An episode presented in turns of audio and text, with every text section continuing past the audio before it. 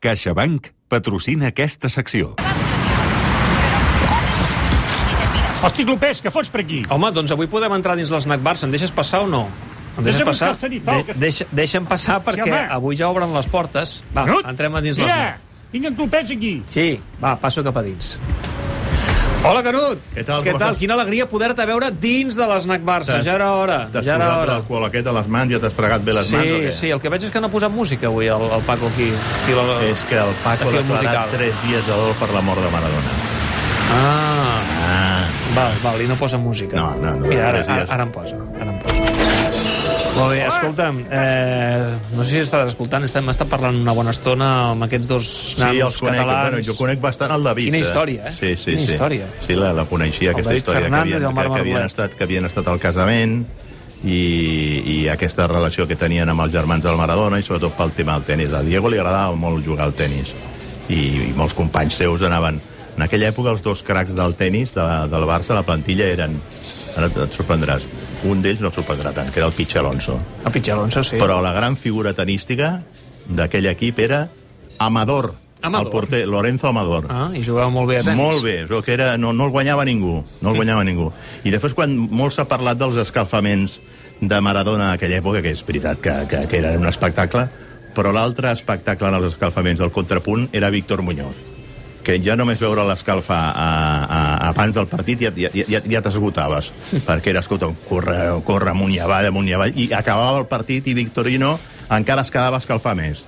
O sigui que era un, un contrast, però eren els dos grans espectacles, Maradona fent filigranes i Víctor corrent damunt i avall com, com de manera imparable. Tu, Canut, la vas viure en primera persona, aquella etapa de, de Maradona al Barça, a, Mira, any jo- 82 jo- fins al 84. Jo aleshores treballava a Ràdio Nacional, havia estat a Ràdio Barcelona i, i, i després vaig passar a Ràdio, vaig creuar el Passeig de Gràcia, que es deia en aquella època. I vaig interrompre, vaig aturar la programació de Ràdio Nacional d'Espanya para dar una noticia de alcance. El Barcelona acaba de cerrar el fichaje de Diego Armando Maradona tras la reunión mantenida en el Hotel Sheraton de Buenos Aires. Dirigentes del equipo azulgrana, encabezados por su presidente José Luis Núñez, han llegado a un acuerdo con los directivos de Boca Juniors y de Argentinos Juniors que poseen los derechos del jugador argentino, el crack astro argentino. Això que s'havia de fer amb aquesta veu, eh? Sí, home, s'havia de fer amb aquesta veu, clar. Era aquesta la veu. Estan sintonizando Radio Nacional de España, emisor del Nordeste. Això passava l'any 82, eh, quan Maradona va arribar al Barça, ha estat una setmana intensa, eh, t'hem sentit aquests dies explicar històries a TV3 del pas de Maradona pel Barça, i bé, la, la vida continua i, i ens trobem demà amb aquest Barça-Ossassuna, que li estem preguntant a tots els nostres oients, demà què s'ha de fer? Si dinar abans del partit a, la, de, a les dues, si al descans o al final del partit? Jo vindré aquí a Cal Paco, A Cal Paco. veuré el partit, li diré que em prepari alguna coseta per picar i aniré veient el partit, perquè Ah. a més, clar, si, si dines abans, gairebé hauràs d'esmorzar a, la, a, la, a les 8 del matí i ser un dia festiu no, no, no toca esmorzar tan aviat. Canut! I si, I si et poses a dinar després del partit, com fa el Sol Murri, ja no saps si berenes, Sí. dines o exactament què és, o, o sopes. Esco- Escolta, un- realment, una de les, una de les grans, un dels grans al·licients del partit de demà és saber què farà Koeman amb aquestes baixes que li condiciona tant la defensa. Tu saps què farà Home, Koeman jo demà? crec que Koeman és, és un expert en jugar al, al, al trencaclosques, no? perquè ja va ser capaç Moure de fer, les fitxes. de, ja va ser capaç de fer l'equip de, de Kiev sense Messi ni De Jong, que es van quedar a Barcelona, més tots els lesionats, i va ser capaç de confegir un equip que va ser molt competitiu i que va aconseguir un resultat de prestigi, no? Uh, aviam, uh, crec que inicialment haurem d'estar pendents si Serginho Dest arriba o no arriba al, al, al, al partit, a poder jugar. Si no arribés, estic d'acord amb el Salmo que l'única opció que tindria és col·locar a, a, Mingueza. a Òscar Mingueza, com diu el Ronald, Sí. eh, a, A la en, el lateral dret, i aleshores, per jugar de parelles centrals amb l'Englet, m'imagino que jugaria Frenkie de Jong. Deng Jong, De eh, Jong darrere la seva posició. I Jordi, I Jordi Alba, perquè si el, si el lesionat fos, per exemple, l'Englet, Mhm. Home, hi hauria l'opció de col·locar Júnior com va fer en els últims minuts del partit de Kiev de central esquerrà, però clar, no, no col·locarà Júnior de central dret amb l'Englet i, i acabar de jugar de, de trastocar encara tota la defensa. Aleshores crec que jugarà Frenkie de Jong a la línia mitja i aleshores eh, la gran novetat podria ser podria ser la presència al costat de Busquets o de Pjanic, de, de, crec que Busquets demà li donaran l'alta, està previst que li Sí, donin sí, sí, avui, avui, avui ja... Ah, ja li han donat. Sí.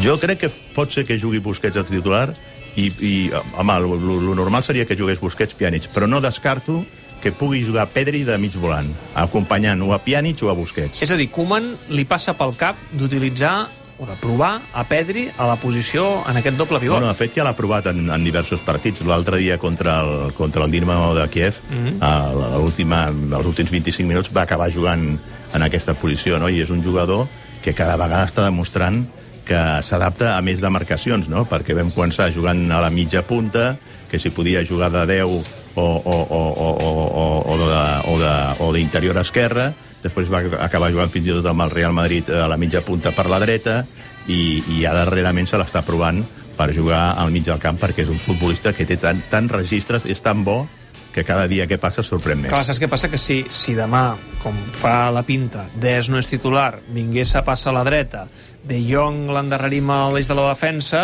eh, ens quedaria a mig del camp eh, Busquets, que entra després de sortir d'una lesió, Home, i Pjanic. Lo, lo, lo lògic seria Busquets Pjanic, però no descartis. I si no és ara, i si no és ara, no trigarem gaire a veure mm. aquesta possibilitat. Compte, eh? Apunteu el que diu el Canut. Pedri, Pedri, eh, Koeman el té el cap per jugar al doble pivot i ves que no ho faci ja, que no ho provi de cara a demà. I aleshores, clar, tenim per davant que poden jugar perfectament Dembélé, eh, Messi, i, i Coutinho. Coutinho. I, i, i aleshores eh, Griezmann de, mm. de, de davanter centre. Aquesta davantera que sembla que ja és bastant inamovible i bé, doncs és un 11 que demà veurem si, si Koeman utilitza.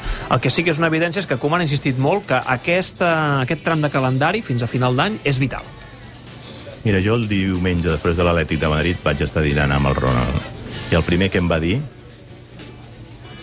antes de fin de año estaremos entre los tres primeros i ell està convençut de que, home, s'han de guanyar i s'han de jugar els partits, però està convençut que en aquests set partits que té cinc a casa, com has repassat tu amb el calendari, mm -hmm. i dos fora, el Barça es posarà i a més a més recuperarà partits que té endarrerits, no? Sí. Eh, es posarà ell, està, ell, ell l'has vist optimista, ara que dius que vas sopar l'altre dia amb ell? Jo l'he vist molt optimista, és que sempre el veig optimista, perquè ell, ell està molt content d'estar aquí. Ell, ell ja ho ha dit avui, l'amor a los colores. Els resultats han d'arribar. Sí, també, eh? sí, home, els resultats han d'arribar, però ell viu el dia a dia de l'equip i el dia a dia, dia de l'equip és positiu, és bo. Veu que l'equip treballa amb ganes. Home, si comencem a repassar tots els partits, la majoria hi ha hagut pegues o desgràcies.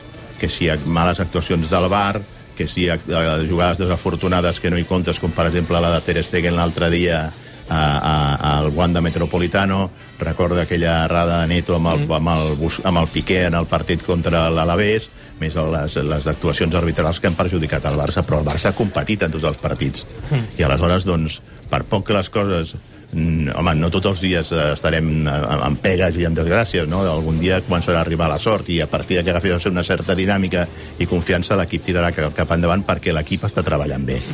Demà Barça Osasuna a les dues de la tarda, m'ho punto, eh, això de, de Pedri al mig del camp, a veure, a veure demà si hi ha, si hi ha prova. No? Per cert, per cert, eh, estigue't quiet, Paco. Um, ja que sé que ets un amant de la boxa, mm. et volia demanar la teva opinió. La teva opinió, què en penses d'això que Mike Tyson, als 54 anys, torni a per fer un combat d'exhibició, perquè és exhibició això d'avui, sí. contra Roy John Jr., que en té 51. Bueno, és que algú que em pregunti, algú que em digui què és això d'un combat d'exhibició. Sí, bueno. Sí, crec que a més no... Staples no, Center, eh? Crec que no, no pot haver-hi cau, no? No, no pot haver-hi cau. I, i, si, I si Tyson no pot haver-hi cau, què, què, què farà Mike Mira, Tyson? l'últim combat de Tyson va ser el juny del 2005. Imagina't. Uh, 8 assalts a dos minuts cada un. Imagina't. I sense haver-hi això, que no pot haver-hi cau. Jo sempre he tingut els meus dubtes en quant a la legitimitat de, dels, dels combats de Mike Tyson. Jo crec que Mike Tyson hi va haver bastant de muntatge darrere de la seva carrera. Veníem d'un campió del món com era Larry Holmes, que, que, que no enganxava el gran públic, que no era un boxejador espectacular, i de sobte, en, un, en un món de la boxa controlat per un exconvicte com era, com era Don King, amb el qual ja et pots imaginar que molt net no devia ser tot el que passava per allà, no?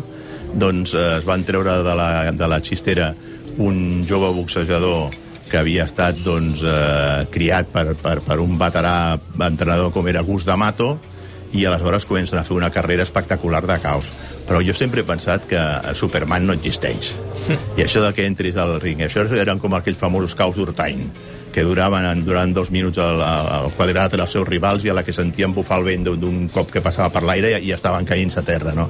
I jo tota aquella carrera de caos consecutius de, de Tyson, vaig tenir els meus dubtes i la prova això és que quan el van posar davant d'un rival eh, amb, amb una miqueta de, de, de presència com, com crec que es deia Douglas el que, el que li va treure la corona del campió del món doncs va perdre per cao o sigui que mm, jo tinc les meves Mira. sospites sobre, sobre aquests caus i aquesta carrera perquè tot era un muntatge, la televisió pagava molts diners i, i estava Don King darrere, amb la qual cosa molt net no devia ser. Una curiositat. Uh, avui, en aquest combat, el consum de marihuana uh, no entrarà al control antidòpic.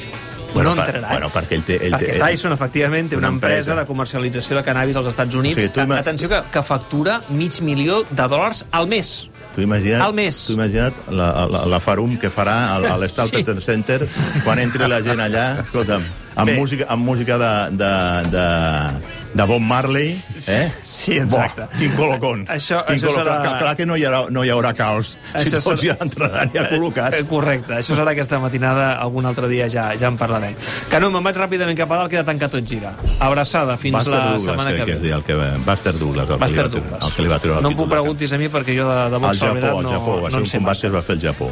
Això sí que ho recordo molt bé. Un dia en parlarem tranquil·lament de boxa. De boxa de veritat, no com això. Algun dia pa- parlarem del més gran, de Muhammad De. Muhammad Ali, per Aquest això, sí. per aquí anava. Gràcies, Canut. Que vagi molt bé. Adéu, Adéu, Paco. Paco. Fins demà, eh? Guarda en taula, eh? Hosti, clubers, qui paga aquí? No fotreu pas a mi, eh? No és tan sols aconseguir podis, és superar-se en cada esclau. L'esport ens ensenya que tirar endavant no és tan sols guanyar, sinó aprendre a aixecar-se. Per això a CaixaBank estem amb l'esport, sempre. CaixaBank. Escoltar, parlar, fer.